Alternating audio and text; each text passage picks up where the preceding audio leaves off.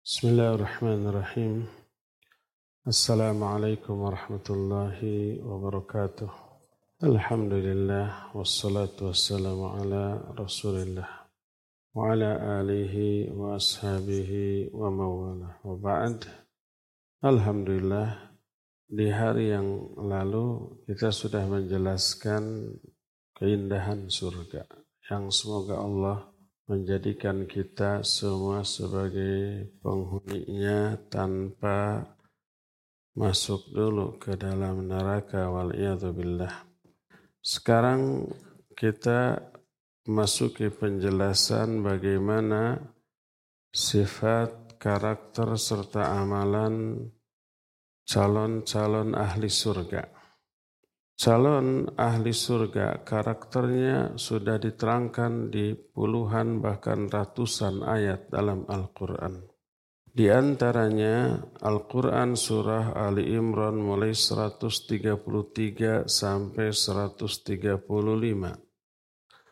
Allah berfirman, وَسَارِعُوا إِلَى مَغْفِرَةٍ مِّن رَبِّكُمْ وَجَنَّةٍ عَرْضُهَا السَّمَاوَاتُ وَالْأَرْضُ وعندت للمتقين الذين ينفقون في السراء والضراء والكاظمين الغيظ والعافين عن الناس والله يحب المحسنين والذين إذا فعلوا فاحشة أو ظلموا أنفسهم ذكروا الله فاستغفروا لذنوبهم ومن يغفر الذنوب إلا الله ولم يسروا على ما فعلوا وهم يعلمون Dan bersegeralah kalian kepada ampunan Allah dan kepada surga yang luasnya seluas langit dan bumi. Yang sudah diciptakan, disediakan untuk orang-orang yang bertakwa yaitu orang-orang yang menginfakkan hartanya baik dalam kondisi lapang ataupun sempit, senang ataupun susah, dan orang-orang yang mampu menahan amarahnya, dan orang-orang yang memaafkan manusia, dan Allah mencintai orang-orang yang berbuat kebaikan. Dan orang-orang yang apabila mereka berbuat keji, atau zalim kepada diri mereka sendiri, mereka cepat ingat kepada Allah dan minta ampun atas dosa-dosa mereka. Karena tidak ada yang mengampuni dosa kecuali Allah. Dan mereka tidak terus-menerus di atas dosa yang mereka lakukan, padahal mereka mengetahuinya. Inilah ayat yang menerangkan beberapa sifat karakter amalan calon ahli surga. Apa saja yang menjadi sifat calon ahli surga? Pertama, orang-orang yang bertakwa. Yaitu takwa berasal dari kata waqa, yaqi, wiqayah Waqa itu artinya e, melindungi diri, menyelamatkan diri. Takwa maknanya membuat perlindungan atau perisai yang bisa menyelamatkan dia dari apa yang dia takuti. Makanya Takwa kepada Allah maknanya adalah membuat perisai, membuat tameng antara dia dengan murka dan azab Allah. Apa perisainya? Apa tamengnya? Bukan besi, bukan benda yang ada di dunia. Mustahil bisa melindungi siapa pun dari azab Allah. Tapi bentengnya itu adalah ketaatan dia kepada Allah. Melaksanakan seluruh perintah. Menjauhi semua larangannya. Itulah tamengnya. Sebab hanya ketaatan yang bisa menyelamatkan seseorang dari murka dan azab Allah Subhanahu wa taala. Maka berkata Syekh Al-Utsaimin tentang orang yang bertakwa, "Humul ladzina taqaw rabbahum bittikhadil wiqayah min adzabihi bifi'li ma amarahum bih ta'atan lahu wa raja'an li thawabih wa tarkum wa tarki ma nahahum anhu ta'atan lahu wa min iqabih." Orang yang bertakwa adalah orang yang menjadikan tameng dari azab Allah untuk dirinya dengan cara melaksanakan apa yang Allah perintahkan kepada mereka sebagai bentuk ketaatan kepada Allah dan mengharapkan pahalanya dan meninggalkan apa yang Allah larang dari mereka sebagai bentuk ketaatan serta karena takut kepada azabnya. Inilah ciri yang pertama dari calon ahli surga yaitu takwa. Kedua, alladzina yunfiquna fis sarra'i wal dharra. Orang yang selalu infak, baik dalam keadaan senang ataupun susah, mereka menginfakkan apa yang Allah perintahkan kepada mereka untuk diinfakkan, baik harta termasuk juga tenaga, termasuk juga pemikiran. Alal wajhil matlubi minhu dalam bentuk yang memang diperintahkan, dituntut, diinginkan oleh Allah dari mereka. Contohnya yang biasa diinfakkan dan diperintahkan untuk diinfakkan adalah zakat, sedekah, nafkah ke orang-orang yang memang memiliki hak untuk kita nafkahi kepada mereka, kemudian infak untuk kepentingan jihad fi sabilillah ataupun untuk subulul khair, jalan-jalan kebaikan untuk dakwah, untuk pendidikan Islam, untuk madrasah, untuk masjid, untuk pondok pesantren, dan seterusnya menginfakkan semuanya itu baik ketika senang ataupun ketika susah. Ketika senang, ketika banyak uang, maka orang yang bertakwa tidak akan mencintai hartanya melebihi dari yang disyariatkan. Dia tidak pelit, dia tidak cedit, dia tidak menahan hartanya karena orang yang bertakwa selalu didasarkan kepada ketakwaan yang dimilikinya dan takwa ini ditekankan ya. Takwa ini lahir dari ilmu. Karena tak mungkin orang yang tak berilmu menjadi orang yang bertakwa. Sebagaimana Perkataan Abu Darda, La takunu taqiyan hatta takuna aliman. Kamu tidak bisa menjadi orang yang bertakwa sehingga kamu berilmu. Kenapa orang bodoh tidak bisa menjadi orang bertakwa? Karena untuk takwa butuh bekal ilmu. Aplikasi nyata, wujud nyata dari takwa adalah melaksanakan semua perintah menjauhi semua larangan. Untuk bisa melaksanakan semua perintah Allah butuh ilmu atau tidak? Ya, apa saja yang Allah perintahkan itu butuh ilmu. Apa saja yang Allah larang itu butuh ilmu. Untuk melaksanakan apa yang Allah perintahkan butuh ilmu enggak? Iya. Bagaimana cara melaksanakan perintah ini secara benar? Dan berkualitas, tidak asal melaksanakan. Salah satunya contohnya sholat. Untuk bisa sholat yang berkualitas, sholat yang tanha anil fahsyai wal munkar, sholatnya itu ya harus pertama ikhlas, kedua mutaba'ah, ketiga khusyuk. Tanpa ilmu nggak bisa mutaba'ah. Tanpa ilmu nggak bisa khusyuk. Sebab khusyuk harus dengan menghayati makna yang terkandung di dalam bacaan yang kita baca dalam sholat. Untuk bisa menghayati harus tahu apanya?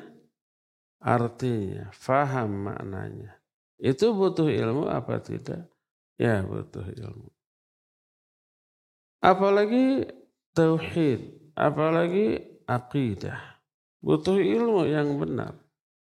Kalau nggak faham ilmu tentang tauhid, bisa terjerumus ke dalam syirik, baik besar ataupun kecil. Barijeng merasa ibadah, melakukan perbuatan syirik, tapi merasa sedang beribadah karena kebodohan. Ketika berakidah tanpa ilmu karena kebodohan, dia merasa sedang melakukan takrub padahal sedang melakukan kekufuran karena kebodohan. Walhasil untuk menjadi orang bertakwa butuh ilmu. Nah, demikian juga ketika seseorang mengaplikasikan salah satu bentuk ketakwaannya dalam bentuk umpamanya uh, infak dan sodakah, maka orang yang bertakwa mendasari perbuatan infaknya didasarkan kepada ilmu. Tidak akan salah sasaran. Dia menyimpan hartanya di tangannya dan bukan di mana? Bukan di hatinya. Kalau di hatinya cinta banget kepada harta, sangat sayang untuk dikeluarkan walaupun untuk keuntungan dia di akhirat. Orang bertakwa tahu ada hadis. Ma min yaumin talat fihi syams illa yanzilu fihi malakan. Tak ada satupun hari yang di hari itu matahari masih bersinar Kecuali di hari itu turun dua orang, eh dua orang, dua malaikat. Turun dua malaikat setiap hari. Satu malaikat berdoa, Allahumma ti munfiqan khalafan. Ya Allah berikan ganti kepada orang yang infak di hari ini. Malaikat kedua berdoa dengan isi yang sebaliknya Allahumma ti mumsikan talafan. Ya Allah berikan kerugian kepada orang yang mumsik di hari ini. Mumsik itu menahan. Apa yang dia tahan? Dia tahan hartanya dari infak dan sodakoh. Ada kelebihan harta dari harta yang dimilikinya untuk diinfakkan atau disodakohkan, tapi dia tahan. Dia tidak keluarkan, dia tidak berikan kepada yang yang berhak karena sayang terhadap hartanya. Dia tahan. Oleh malaikat yang turun di hari itu didoakan, sing rugi hartanya, biar rugi itu harta. Lihat, setiap hari turun dua malaikat mendoakan seseorang berkaitan dengan hartanya. Kalau yang berinfak didoakan diganti oleh Allah dunia akhirat. Kalau yang tidak infak padahal mampu infak dia tahan didoakan kebangkrutan atau kerugian dalam hal hartanya. Makanya orang yang bertakwa dalam keadaan senang, dalam keadaan banyak harta, dia tidak pelit. Dia tidak sedih. Dia tidak sayang terhadap hartanya, tapi lebih sayang terhadap jiwanya. Dalam bentuk apa? Hartanya harus dia keluarkan untuk keselamatan jiwanya dunia akhirat. Kalau tidak dikeluarkan jiwanya terancam dengan bahaya murka dan azab Allah Subhanahu wa taala. Mending harta, mending jiwa, mending keselamatan jiwa. Harta bisa dicari. Bahkan kita mencari harta untuk kemaslahatan jiwa kita dunia dan akhirat. Kita sakit demi ya kepentingan jiwa kita, kita keluarkan harta untuk berobat.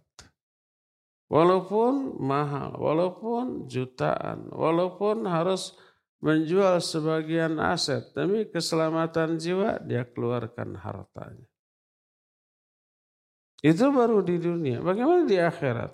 Orang jiwanya terancam, mau nggak menebus keselamatan jiwanya dengan harta?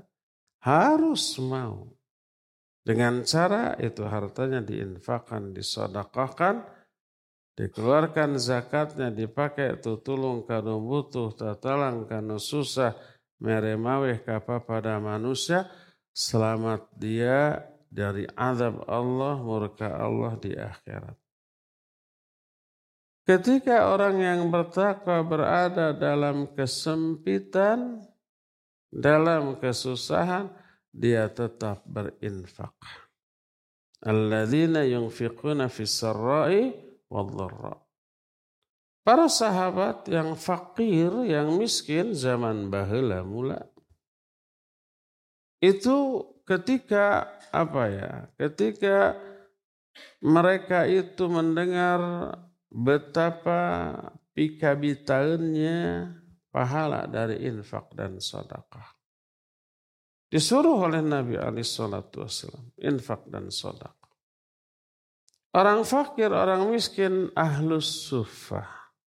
Ahlus sufah itu bahasa kita nama gelandangan. Tidak punya tempat tinggal.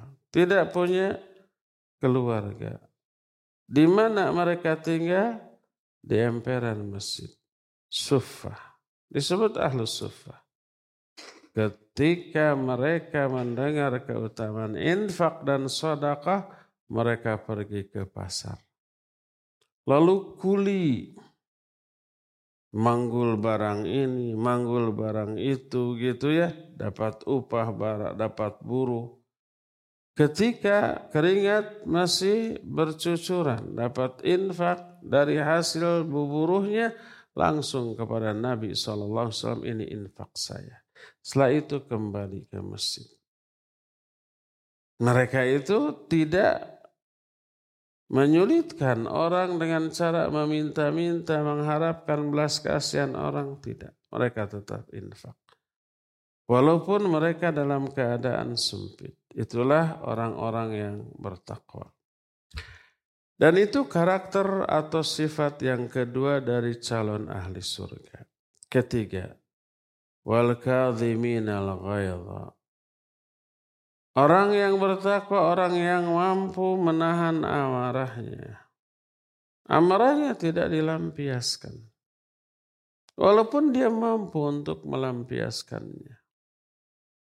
Dan inilah yang oleh Rasul Sallallahu Alaihi Wasallam disebut dengan sebutan orang yang kuat, orang yang jagoan.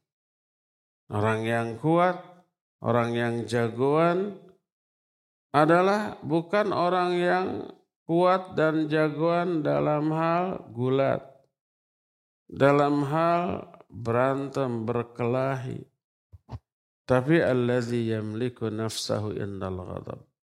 Orang yang mampu menahan amarahnya ketika dia marah. Tidak dilampiaskan walaupun dia ini mampu melampiaskannya.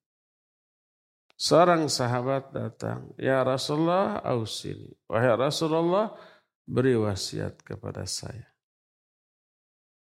Kemudian Nabi menyatakan, La taghdab, jangan kamu marah. Lalu ditanya lagi, lalu apa wasiat berikutnya? Beliau tetap, La taghdab, jangan marah.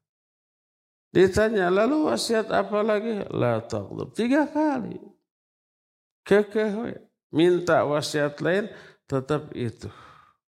Kenapa? Salah satunya adalah karena mampu menahan amarah termasuk salah satu wujud nyata dari ketakwaan.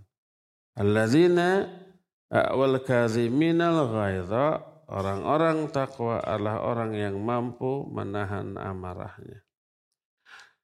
Keempat, wal afina anin nas. Dia suka memaafkan manusia yang bersalah dan zalim kepada dirinya. Dia tidak melampiaskan dendam kepada orang yang jahat kepadanya sekalipun dia mampu. Makanya berkata Aisyah radhiyallahu anha dalam hadis sahih riwayat Imam Bukhari dalam kitab sahihnya man taqama Rasul sallallahu alaihi wasallam li nafsih. Rasul sallallahu alaihi wasallam itu tidak pernah dendam untuk kepentingan dirinya sendiri. Kalau diri pribadinya itu dihina, beliau tidak dendam. Dizalimi tidak dendam. Kecuali apabila ada hukum Allah yang dilanggar, maka beliau membalas karena Allah Azza wa Jalla. Adapun kalau dirinya enggak, biarkan saja. Bagaimana sih kiat agar kiatnya kiat bahasa Indonesia bukan bahasa Sunda. Agar ketika orang zalim kepada kita tidak dendam. Jangankan tidak dendam lah. Tidak sakit hati. Tidak ngelus dada gitu ya. Selama ini orang mau membalas tapi tidak bisa nangis atau greget atau mendoakan keburukan kan gitu ya. Bagaimana caranya agar ketika dihina orang, dizalimi orang, digibahi orang, difitnah orang, diapa-apakan orang, kita bisa tersenyum tulus, senang dan bahagia. Pertama, yakini bahwa hal itu baik untuk kita nggak buruk. Asa antakrahu syai'an wa huwa khairul lakum. Barangkali kamu membenci sesuatu. Pada sesuatu itu baik untukmu. Kamu benci dihina. Kamu benci dizalimi. Padahal itu baik. Apa kebaikannya? Pertama, dosa kita gugur tuh. Begitu dihina, buru dulu dosa teh. Karena apa? Karena itu keburukan. Melahirkan ham dan hazan. Ma yusibul muslimu hamun wala haznun. Tidaklah seorang muslim ditimpa keresahan, kegelisahan ataupun kesedihan. Wala adha atau rasa sakit. Dan seterusnya disebutkan. Illa kafarallahu bihi khati'atahu. Kecuali Allah akan hapuskan dosa-dosanya. Jadi setiap ketidakenakan, baik lahir ataupun batin, fisik ataupun psikis, Termasuk sedih, risau, galau, resah, gelisah, ketidaknyamanan hati, takut, dan seterusnya. Itu menggugurkan dosa. Kedua, nambah pahala. Pahala kesabaran. Minimal pahala itu transferan dari orang yang zalim kepada kita. Dosa yang tadi gugur dari kita karena kezaliman orang, tidak hilang begitu saja tapi di offer kepada orang yang zalim kepada kita. Pahala dia di offer ke kita, dosa kita di offer ke dia. Siapa untung, siapa rugi? Kita yang untung. Orang yang dizalimi yang untung. Dapat tambahan pahala, sementara dosanya berkurang. Yang zalim sebaliknya. Pahalanya berkurang, dosanya bertambah.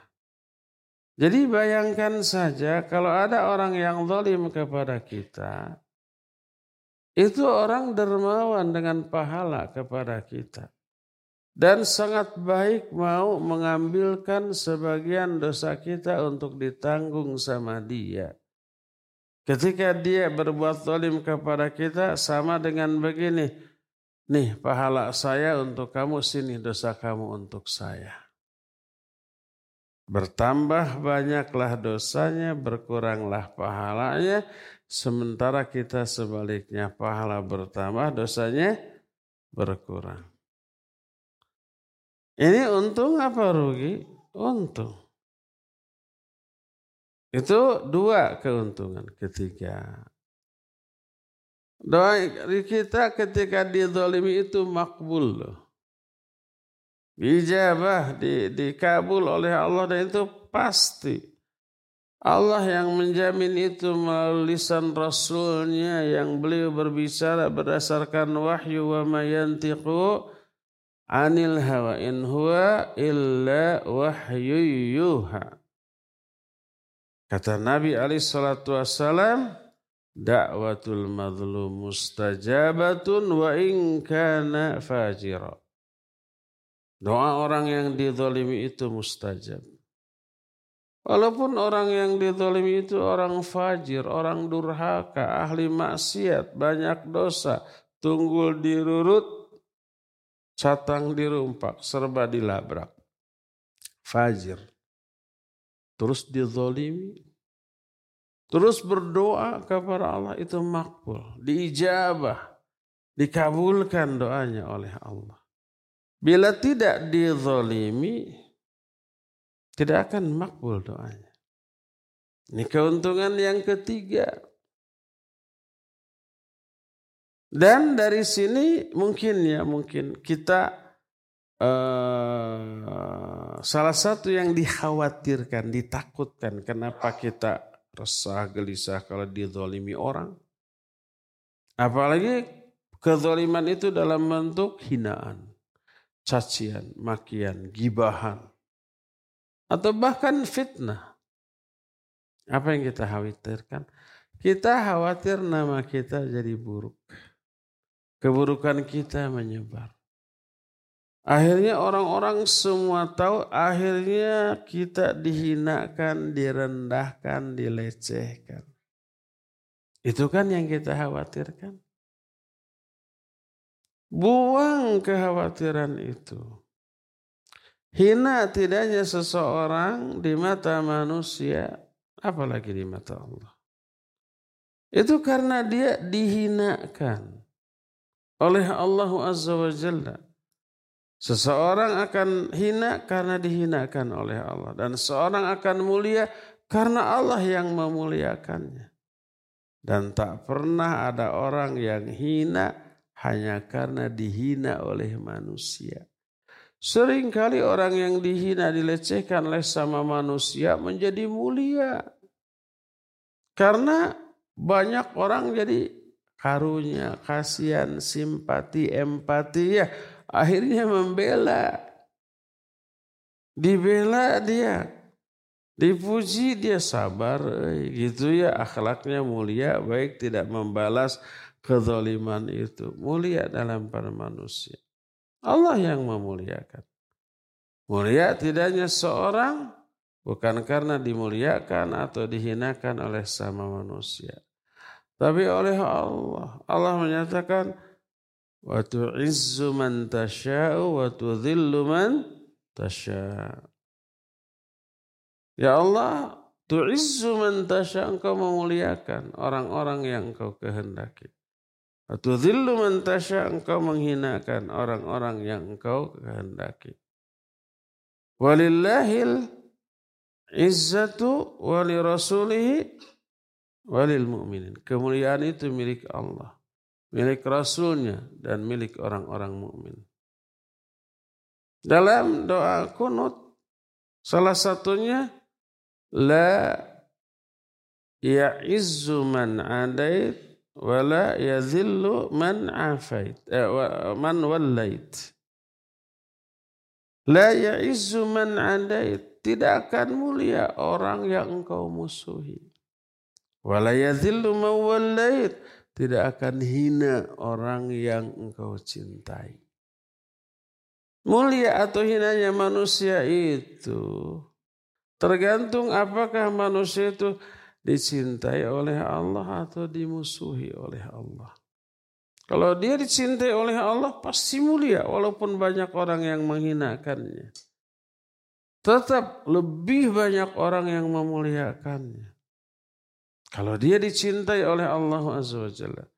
Sebaliknya kalau seseorang dimurkai oleh Allah, dibenci, dimusuhi oleh Allah karena dosanya, karena kemaksiatannya, dia akan hina sekalipun jutaan orang mendukungnya.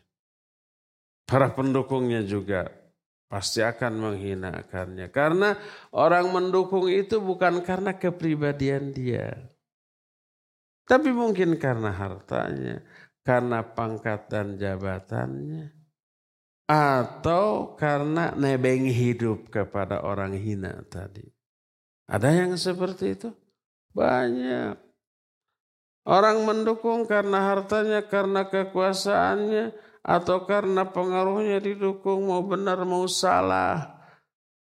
Karena ada udang di balik bakwan. Ada kepentingan.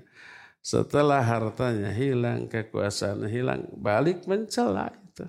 Suatu saat keburukan-keburukan yang didukungnya itu dibongkar. Jadi jangan khawatir selama kita istiqamah di atas kebenaran, Jangan khawatir akan dihinakan banyak orang. Jangan. Pasti mulia.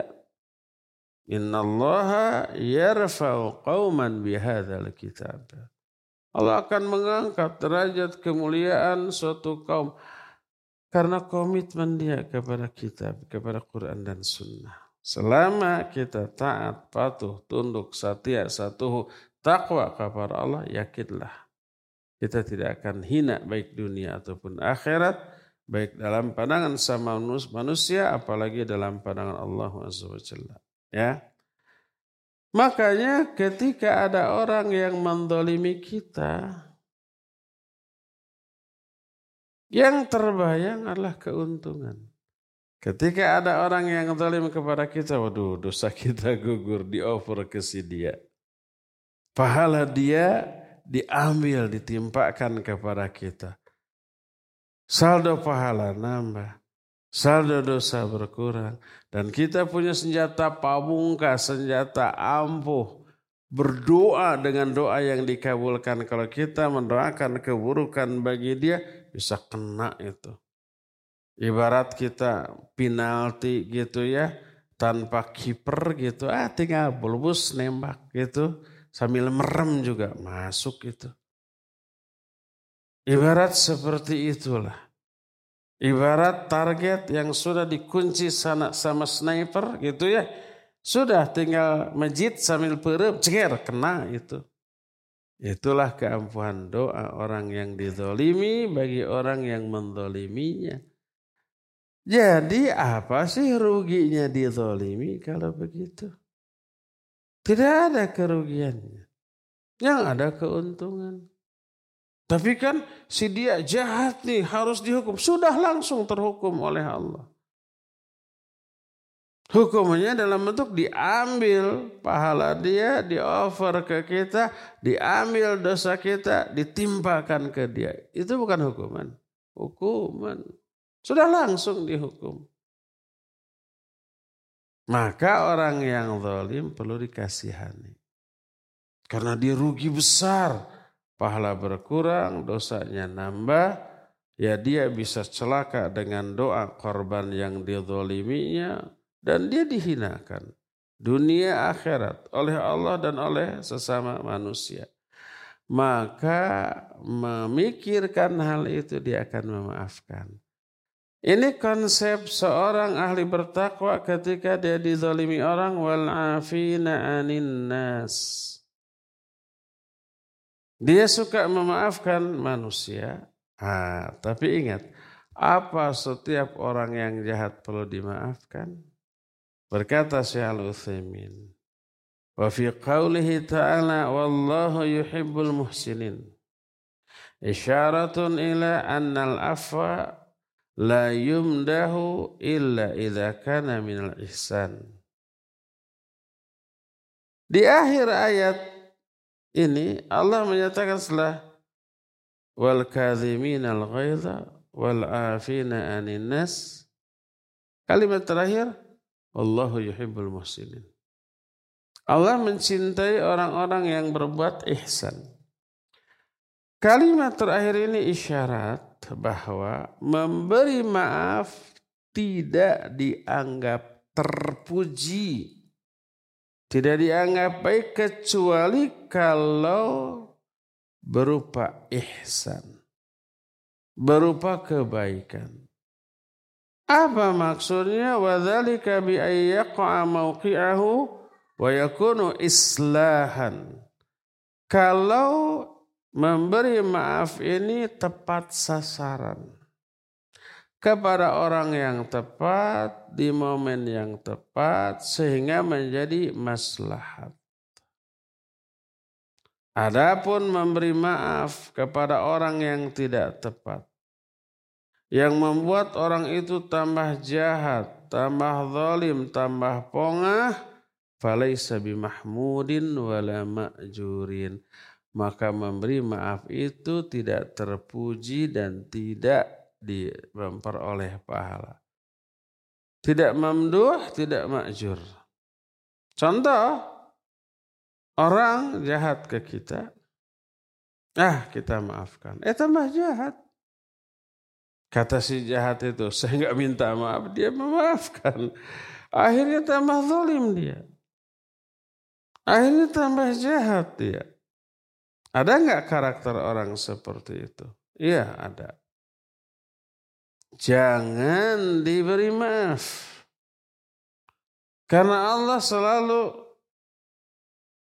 mengaitkan memberi maaf dengan maslahat baru dapat pahala sebagaimana firman Allah dalam surah Asy-Syura ayat 40 faman afa wa aslaha fajruhu Allah siapa yang memberi maaf dan maslahat pemberian maaf itu maslahat pahalanya tanggungan Allah. Allah, Allah akan ngasih pahala kepada dia. Tapi kalau memberi maaf, madarat tidak maslahat, jangan dimaafkan. Memaafkannya tidak maslahat dan tidak berpahala. Apalagi umpamanya orang berbuat salah, kita ingatkan, kita tegur, malah ngeyel di atas kesalahannya. Ada yang kayak gitu? Ada. Jangan dimaafkan. Makanya Syekh Lutfi menyatakan kalau umpamanya ada anak muda ugal-ugalan di jalan. Pakai motor atau pakai mobil. Siksa, membahayakan orang. Jeger, nyerempet mobil kita. Jangan dimaafkan dia. Kalau dimaafkan ya sudahlah namanya juga musibah. Siapa sih yang ingin musibah? Kamu juga yang nabrak pasti nggak ingin kan? Iya pak, udah dimaafkan dia gitu-gitu lagi nanti. Nggak kapok. Dia menyatakan saya sering nabrak tapi nggak pernah dimarahi apalagi dituntut. Akhirnya terus-terusan begitu. Tak mustahil suatu saat bisa menelan korban jiwa. Nabrak sampai mati. Makanya jangan maafkan. Tuntut dia. Agar kapok. Laporkan ke polisi, suruh ganti kerusakan. Bila perlu dipidanakan, pidanakan, dia akan kapok. Nanti setelah urusan beres dia akan hati-hati. Karena takut terkena sanksi berat. Maka jangan dimaafkan karena maafkannya tidak maslahat dan menghukumnya maslahat. Saya pernah punya pengalaman. Suatu saat saya dari sini tuh ke Bandung. Pakai angkot. Janari itu. Tahu Janari itu apa ya? Dini hari gitu. Sekitar jam 2an. Dah dulu mah ya dulu. Waktu saya masih awal-awal nikah di sini. Nikah ke orang sini. Jadi sampai sekarang di sini. Jam satu itu elf dari Cililin itu masuk ke sini. Terus ngambil penumpang. Balik lagi gitu. Jadi kalau jam satu malam mau ke Bandung nggak perlu ke jalan. Jalan kaki. Cukup di depan rumah nanti ada elf yang lewat. Orang-orang tua di sini pasti tahu. Sekarang mah nggak ada. Karena hampir setiap orang punya motor ya namanya. Saya jam 1 atau jam 2 dari sini ke Bandung pakai elf. Sampai Ciroyom. Dari Ciroyom pakai angkot menuju Cicahem. Masih malam jam 2an gitu. Eh, sama angkot, supir angkot saya ada di depan. Pas di perempatan di tengah kota, lampu merah. Dalam keadaan sepi. Berhenti itu ya teman. Nggak ada mobil lewat. Tapi dia berhenti. Saya kagum ke supir angkot kan. Barang langka supir angkot kayak gitu ya. Tengah malam lampu merah sepi tapi nggak ditabrak. Biasanya mah angkot Siang-siang padat juga lampu merah jeger nya. Ditabrak lampu merahnya bukan mobilnya. Setelah hijau baru pergi lagi. Saya kagum, akan luar biasa. Ini lampu walaupun uh, merah, walaupun kosong, nggak ada mobil, nggak ada motor, tetap disiplin, salut. Hijau baru apa dia bilang? Saya kapok. A senang. A nyebutnya ke saya. Saya nyebut dia Akang, dia nyebut A. Saya pernah di penjara lima tahun. Ya gara-gara apa? Ngangkat juga malam-malam gitu, narik sayur di perempatan. Malam-malam tidak ada lampu merah, ah, ada malam-malam ini kosong. Nyemprung we tadi rem. Nah ternyata motor lewat, ceger sampai mati itu motor. Eh, bukan motornya, orangnya. Sampai mati orang itu. Saya ditangkap polisi di penjara lima tahun. Sejak saat itu saya kapok melabrak lagi lampu merah walaupun tengah malam dan sepi. Tuh kan. Baru kapok kalau begitu kan kalau umpamanya setelah jeger mati ya musibah lah sudah bebas bakal begitu-begitu lagi dia ya. Tidak memberi maaf kepada orang seperti itu demi memberi efek jerak adalah maslahat. Jadi memberi maaf dikaitkan, dikait, dibatasi dengan maslahat atau tidak. Kalau memberi maaf adalah maslahat, beri maaf. Kalau madarat jangan diberi maaf. Tapi tuntut dia di muka hakim agar dia kapok jarak tidak mengulangi lagi kezalimannya. Inilah karakter yang keempat dari orang-orang yang bertakwa. Kelima. Alladzina idza fa'alu fahishatan aw zalamu anfusahum Zakarullaha fastaghfaru lidunubihim. Ciri yang kelima dari calon ahli surga adalah orang-orang yang apabila mereka melakukan perbuatan fahisyah. Fahisyah itu keji. Audholamu anfusahum atau mendolimi diri mereka sendiri. Dua-duanya dosa besar ini. Fahisyah dosa besar. Zalim kepada diri sendiri juga dosa besar. Mereka cepat ingat kepada Allah. Ingat kepada murka dan azabnya. Lalu minta ampun atas dosa-dosanya. Dari sini kita mengetahui orang takwa ahli surga bukan orang yang maksum dari dosa. Tak ada yang maksum selain Nabi saw. Para sahabat banyak melakukan dosa, bahkan dosa besar. Orang bertakwa bukan orang yang tidak pernah berbuat salah, enggak. Atau bukan orang yang hanya melakukan dosa-dosa kecil, enggak. Tapi dosa besar ini ayat. Idza fa'alu alladzina idza fa'alu fahishatan aw dzalamu anfusahum dosa besar. Cuma bedanya Ahli maksiat mah setelah berdosa besar teh cuek har-har baik. Apa har-har baik? Hari-hari baik cuek tadi. Orang bertakwa mah setelah melakukan dosa teh tobat. Orang ahli maksiat setelah melakukan dosa besar cari pembenaran. Cari alasan, cari justifikasi. Cari alasan-alasan yang membenarkan kesalahan yang dilakukannya. Pas ditegur orang ngebantah tuh. Malah marah umpamanya ketika kesalahannya itu diingatkan. Orang itu masuk ke dalam jebakan setan laknatullahi alaih. Imam Ibnu Katsir rahimahullah ketika menafsirkan ayat ini beliau menukil satu riwayat. Nabi alaihi salatu wasallam bersabda, qala iblis, telah berkata iblis. Ahlaktun nas bidzunub wa ahlakuni bila ilaha illallah wal istighfar. Aku akan binasakan manusia dengan dosa. Digoda agar manusia itu banyak melakukan dosa kan nanti dia binasa dengan azab. Wa ahlakuni bila ilaha illallah wal istighfar. Tapi manusia menghancurkan usahaku dengan la ilaha illallah dan istighfar. Jadi setelah manusia berdosa, lalu dia la ilaha illallah istighfar, tobat, minta ampun. Dosanya diampuni dan dia dapat pahala kan?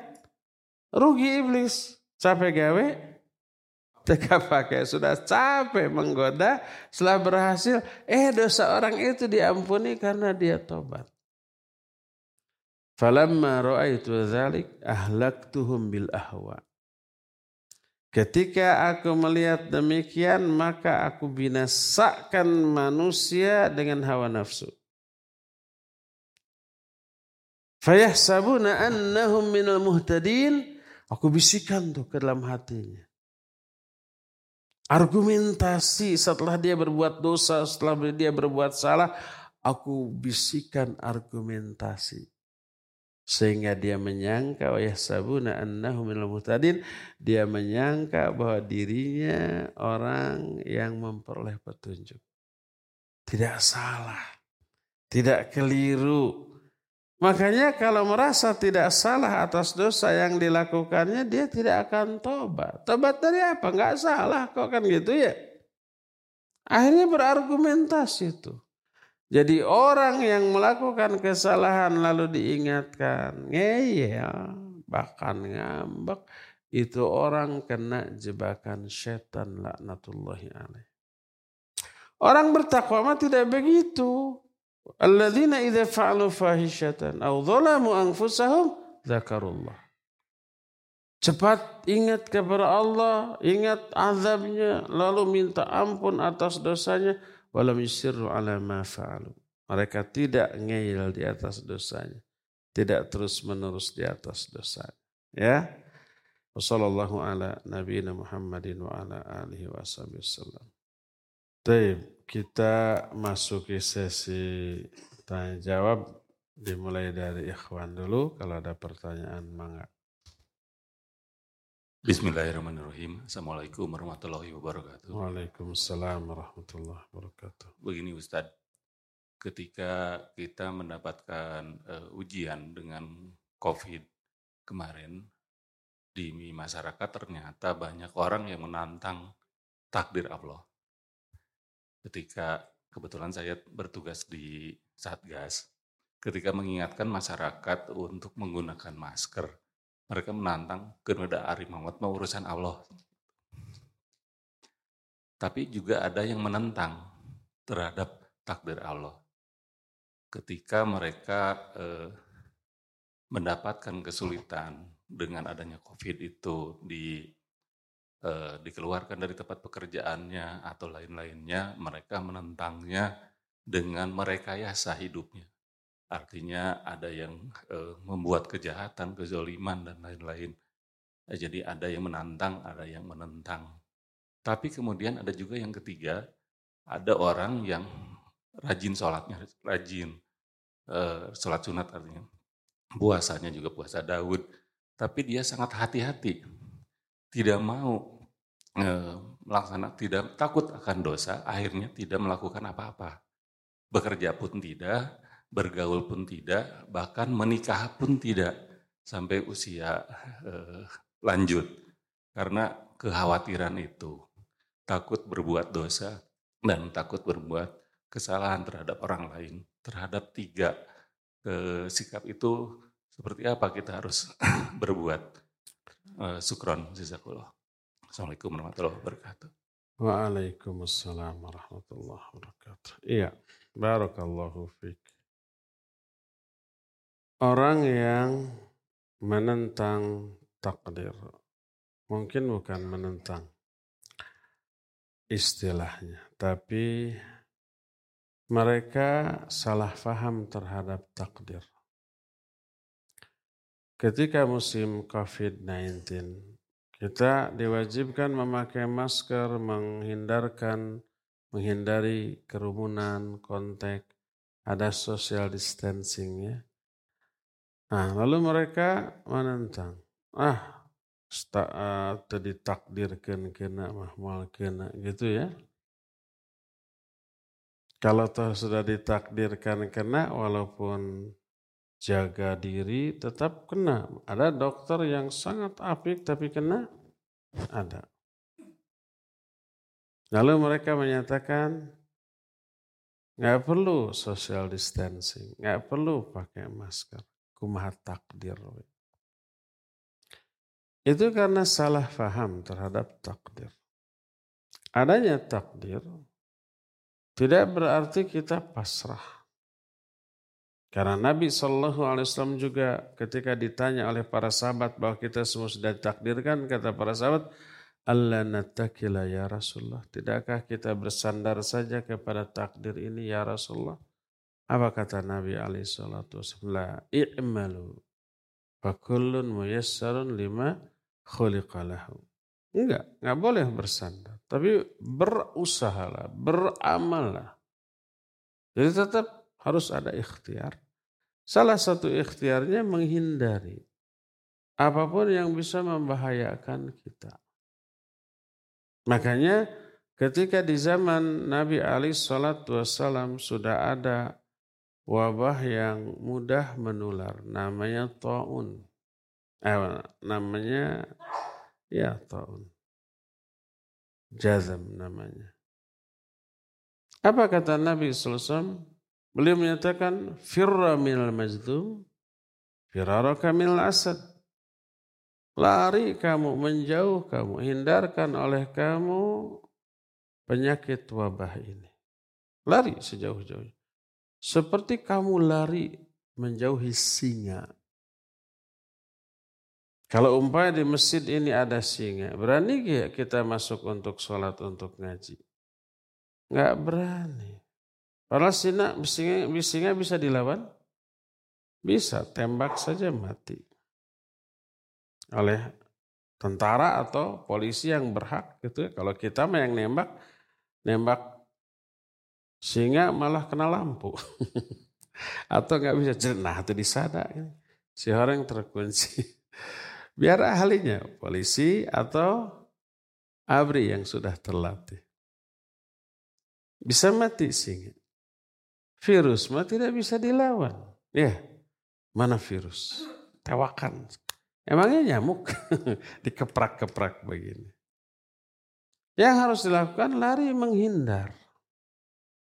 Makanya di zaman kaum muslimin zaman-zaman awal setelah Nabi wafat, begitu merebak penyakit taun, para ulama menganjurkan kepada ulil amri untuk menutup masjid-masjid.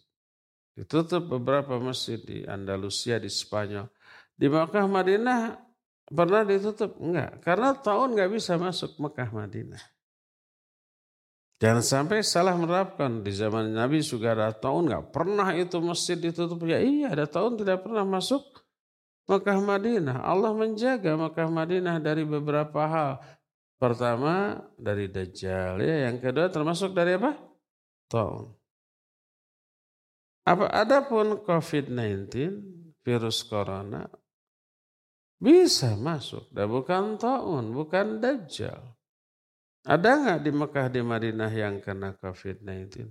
Ada banyak sampai yang meninggal pun banyak. Masuk sana. Wajib dihindari ya. Nabi alaihissalatu wassalam menyatakan firra minal majdum firaraka minal asad. Hadis sahih riwayat Imam Muslim. Lari kamu dari wabah. Hindari dengan cara apa pun menurut ahlinya. Ahli dari karakter virus tersebut. Dan para ahli menyatakan ya harus ada jarak. Dengan orang lain jangan bersentuhan. Jangan bersalaman, jangan cipika-cipiki. Tapi walaupun jaga jarak masih bisa loncat itu si si virus pakai masker. Itu para ahlinya. Cara menghindarinya. Ya. Ini ikhtiar menjauhi bahaya diwajibkan. Allah menyatakan wala tulqu bi aidikum ila tahlukah. Jangan kamu jerumuskan dirimu ke dalam kebinasan. Kalau secara real, secara realita, secara medis, secara empiris. Sesuatu itu membahayakan kita, bukti banyak, hasil riset penelitian juga menyatakan demikian. Itu berbahaya bagi kita, wajib kita hindari. Kalau tidak menghindarinya berarti kita menjerumuskan diri ke dalam kebinasan dan itu dilarang oleh ayat. Wala tulqu biaidikum ila tahlukah. Nah seperti COVID-19 kemarin jelas bahayanya. Para ahli dokter semuanya menyatakan iya virus ini ada dan berbahaya. Korbannya sudah jutaan di seluruh dunia. Disebut pandemi karena menyerang seluruh manusia di seluruh dunia. Ada yang menyatakan hanya berdasarkan zon dan dugaan. Ah oh, ini mah rekayasa. Ini mah konspirasi. Ini mah perbuatan orang kafir yang menyebarkannya. Kita katakan, anggap, ya benar. Tapi virus itu nyata, benar disebarkan oleh orang kafir dan berhasil ya. Banyak korbannya, termasuk orang kafir sendiri. Ada yang mati. Apakah korban dari COVID-19 hanya kaum muslimin? Tidak. Orang kafir, orang ateis, orang musyrik juga kena. Ada. Anggap saja ini betul rekayasa. Ini betul konspirasi. Saya termasuk yang menduga kuat begitu. Tapi ini rekayasa dan konspirasi yang yang berhasil. Virus ini real nyata. Makanya kan sering ada pengumuman nanti bulan anu akan meningkat gitu ya. Nanti bulan anu akan menurun lagi gitu kan? Ada pengumuman begitu? Memang sudah diatur ya. Bulan anu ber disebar lagi, lebih banyak lagi. Bulan anu jangan dulu, tahan, biarkan tersisa kemarin. Saya kemarin bilang di awal atau pertengahan bulan Maret saya dapat berita, baca artikel WHO mengumumkan bahwa pandemi akan berakhir di akhir bulan Maret. Itu menunjukkan mereka tidak akan lagi menyebar virus di akhir Maret. Makanya dari akhir Maret sampai sekarang kan menurun ya, tinggal sisa-sisa ya. Yang semoga benar-benar uh, berakhir, semoga mereka nggak nggak merubah pikiran lagi nih. Semoga nggak mendengar omongan saya. Nah, ada ustadz yang ngomongin sebar lagi ya, bisa gitu.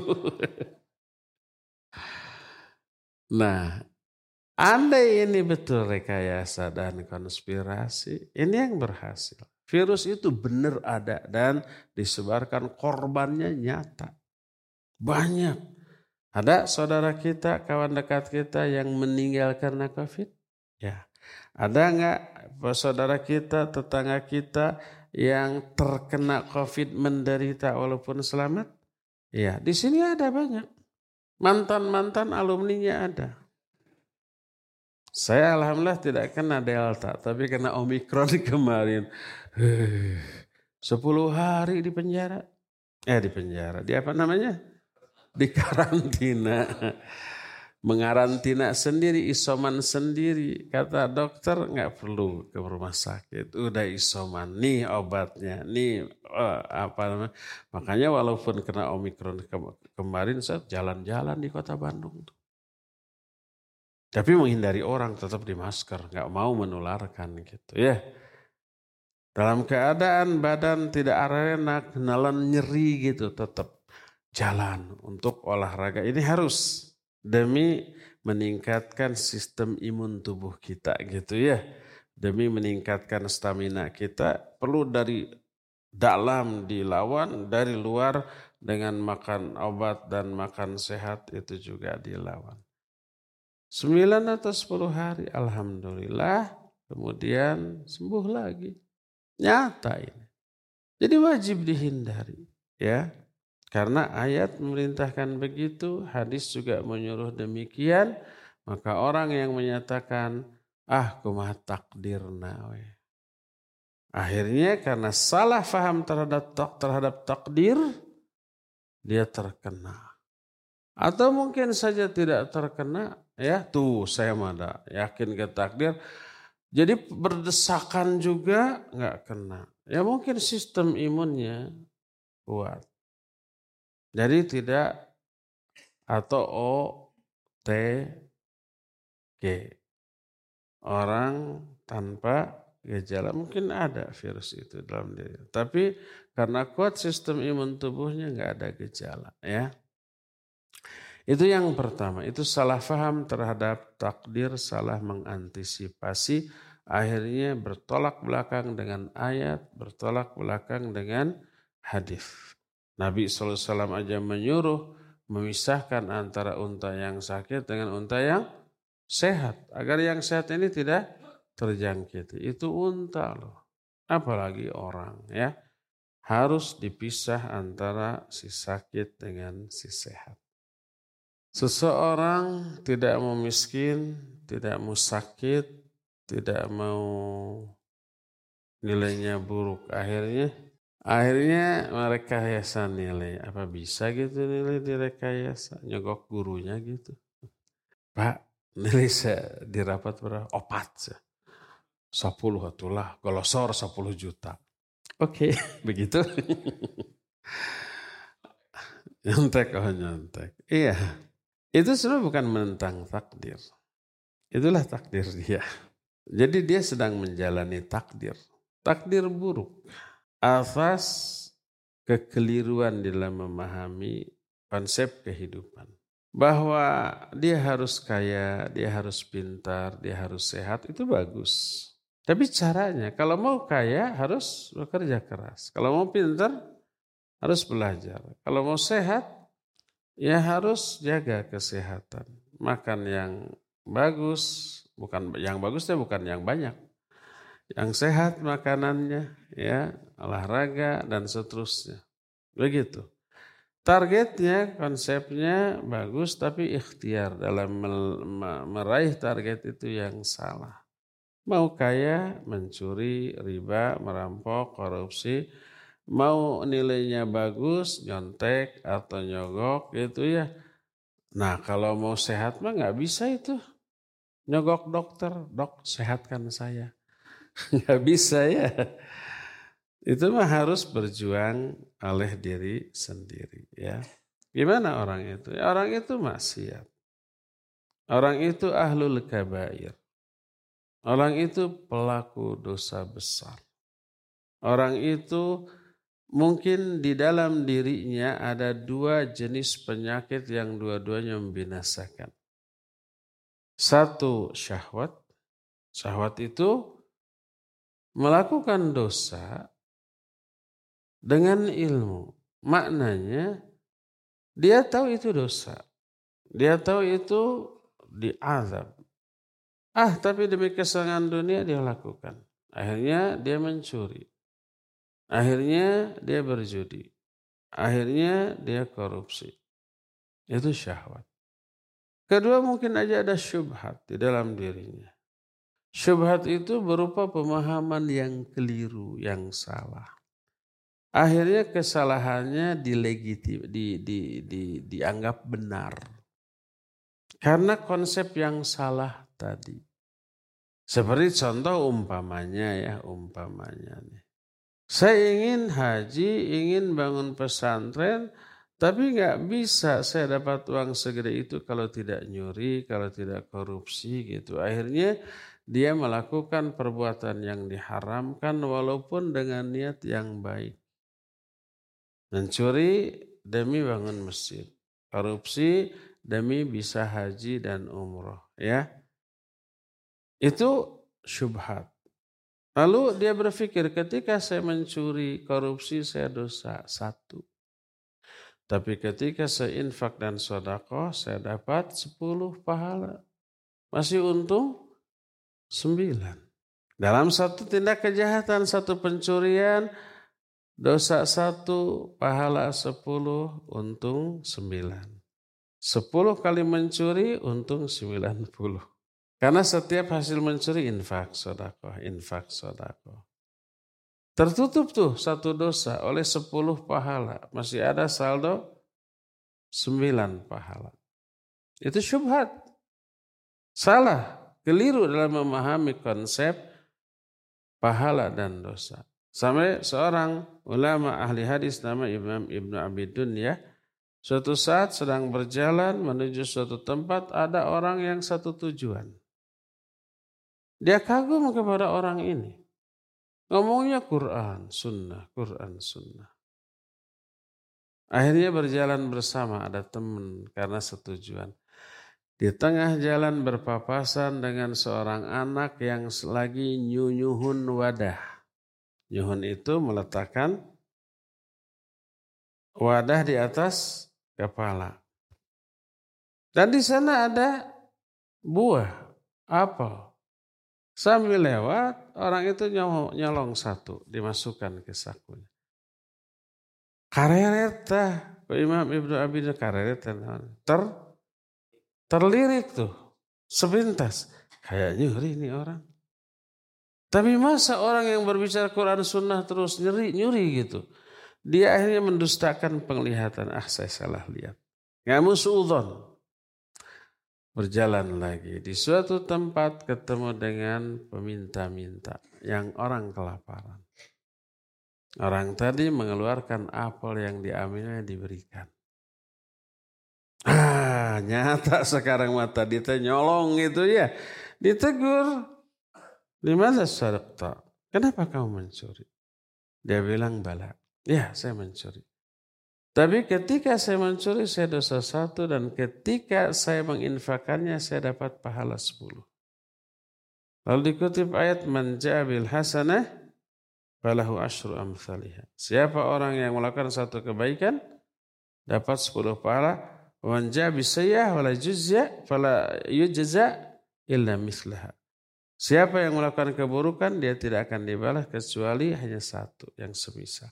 Jadi saya dapat untuk sembilan pahala. Dibantah, kamu keliru, kamu salah. Ketika kamu nyuri, kamu dapat satu dosa. Dan ketika kamu menginfakkan hasil curianmu, kamu nggak dapat apa-apa. Infakmu ditolak.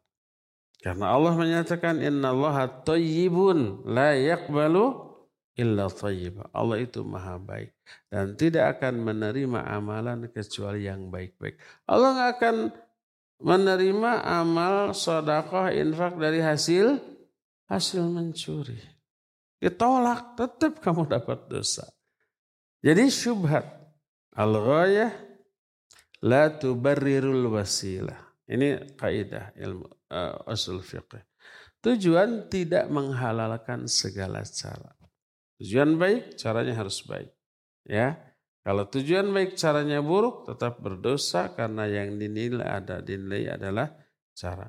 Tujuan membangun masjid, pesantren, menyantuni fakir miskin, bagus. Caranya jangan mencuri, jangan korupsi, ya. Seperti itu. Wallahu a'lam bishawab. Yang terakhir apa? Ah, Saking takutnya berbuat dosa, dia nyelempor dia di rumah. Kerjanya sholat, zikir, berdoa, baca Quran, nikah tidak, gaul tidak, tolabul ilmi tidak, berdakwah tidak. Tidaknya berdakwah bagus dia. Karena pasti tidak berilmu. Kalau tidak berilmu dakwah, wah gawat. Orang bodoh dakwah. Ya rusak. Lebih banyak merusaknya daripada memperbaikinya. Dalam segala hal tuh. Orang bodoh ikut campur kepada suatu urusan yang dia nggak paham urusan itu disebutnya lauk buruk Milu mijah lebih banyak merusak daripada memperbaiki. Coba ya, kita punya anak kecil usia 6 tahun.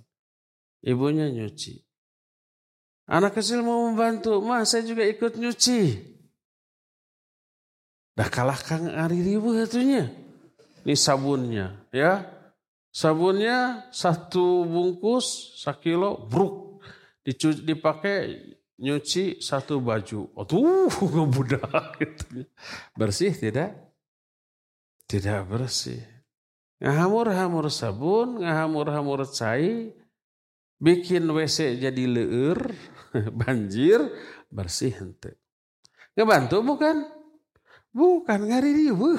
Kalau mau membantu orang yang nggak tahu cukup menjauh saja dari pekerjaannya itu membantu. Lihat ibunya ngepel. Mas saya juga ikut ngepel. Sohok atau diambil lapel yang kotor. Brok seember, wus gitu-gitu. Atau tambah kotornya dalam segala hal. Orang bodoh ikut dakwah. Tak kalah ngeganggu, ngaririwuh. Lebih banyak merusak daripada memperbaiki. Yang sudah diperbaiki oleh ustadz da'i yang asli, yang berilmu, berpengalaman, dirusak lagi sama dia. Sebagaimana ibu yang sudah ngepel gitu, dipel lagi sama anaknya. Jadi kotor. Dalam segala hal.